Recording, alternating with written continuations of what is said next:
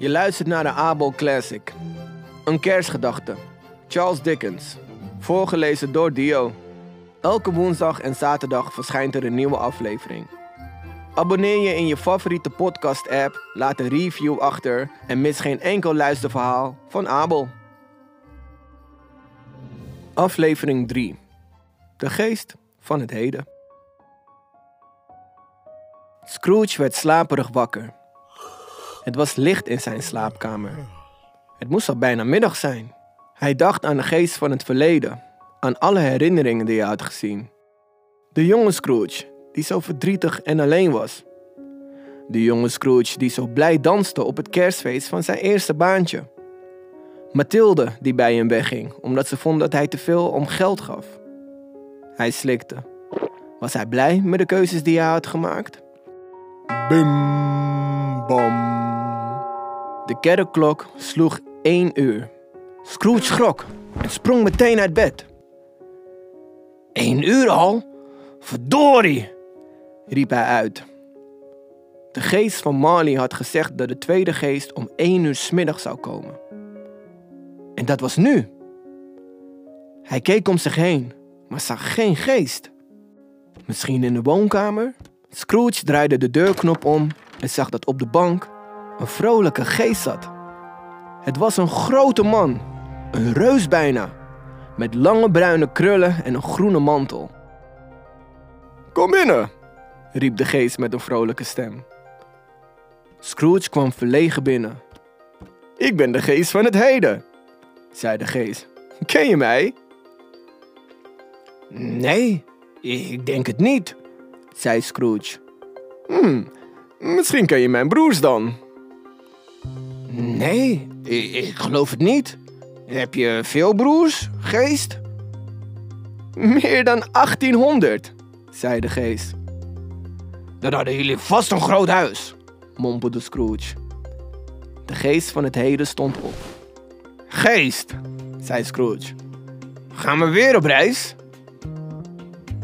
Inderdaad, zei de geest. Pak mijn arm vast. Zodra Scrooge de arm van de geest aanraakte, verdween zijn woonkamer en stonden ze plotseling op straat in de stad. Het was ijskoud, maar er hing een vrolijke sfeer. Mensen wensten elkaar een fijne kerst en kinderen gooiden sneeuwballen naar elkaar. Scrooge glimlachte naar de mensen, maar ze liepen straal langs hem heen. Ze kunnen je niet zien, zei de geest. Is het weer een herinnering? vroeg Scrooge. Nee, nee, zei de geest. We zijn in het heden. Scrooge en de geest wandelden een tijdje door de stad, totdat ze stilstonden voor een klein huisje. Het was het huis van Robert, de assistent van Scrooge. De vrouw van Robert, Barbara, legde net de borden op tafel voor de kerstlunch. Om haar heen renden twee kleine kinderen. Waar blijft Robert nou? zei Barbara. En Martha is alweer zo laat. Net toen ze dat zei, ging de deur open en kwam Martha, de oudste dochter, binnen. Ik ben thuis, riep Martha. In haar hand had ze een zakje gepofte kastanjes. Kastanjes, riep het jongste meisje. Ja! En ze griste het zakje uit de handen van Martha. Wat ben je laat, zei Barbara, terwijl ze Martha tien kussen gaf en haar sjaal en muts uittrok. Ja, was vannacht heel druk op werk, antwoordde het meisje. Nou, lieverd, ik ben blij dat je er bent, zei Barbara. Ga maar lekker zitten en neem snel wat kastanjes voordat Clara ze allemaal opeet. Papa, papa, riepen twee kinderen. En toen kwam Robert binnen.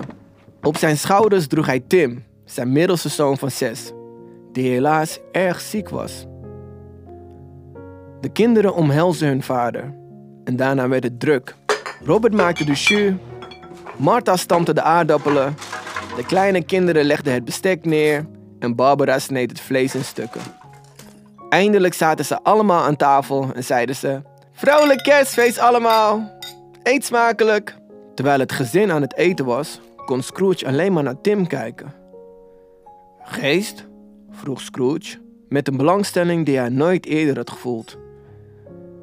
Tim is erg ziek, hè? Ja, zei de geest. en ze zijn te arm om medicijnen voor hem te kunnen kopen.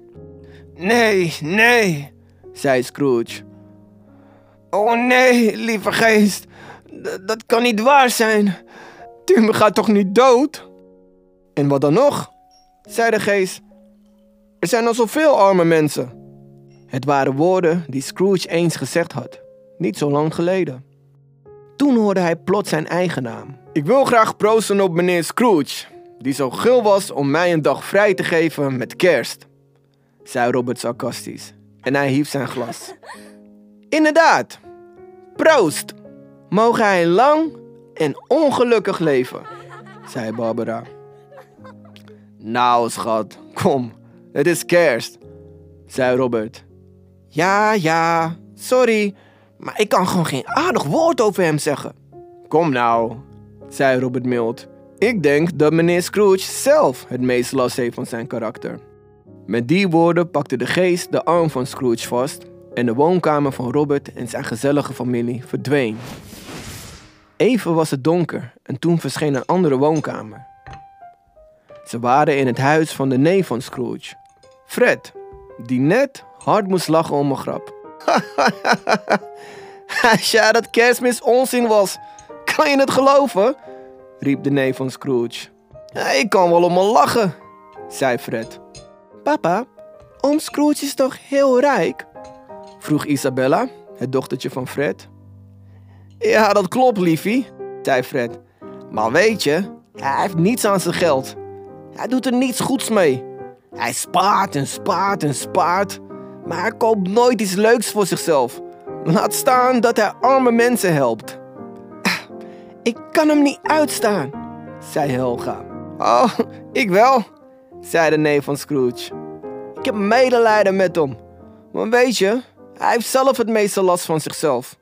Ik nodigde hem nog uit om bij ons te komen eten. En hij zei nee. En nu is hij helemaal alleen met kerst. Denk je dat hij daar echt gelukkig van wordt? Hmm, misschien heb je gelijk. Zeker omdat ons eten echt geweldig is. Fred, dank je wel. Je hebt heerlijk gekookt, zei Helga. Na het eten speelden ze een spelletje. Het was een bordspel. Het leek op ganzenbord. Isabella was er erg goed in. Haha, ik heb alweer gewonnen, lachte Isabella. Fred gaf haar een aai over haar haren. Kom liefje, het is bedtijd. Nee pap, kom op, nog één potje. Alsjeblieft. Nou, vooruit, omdat het kerst is. En ze begonnen weer te spelen. De geest tikte Scrooge op zijn arm. Het is tijd om te gaan.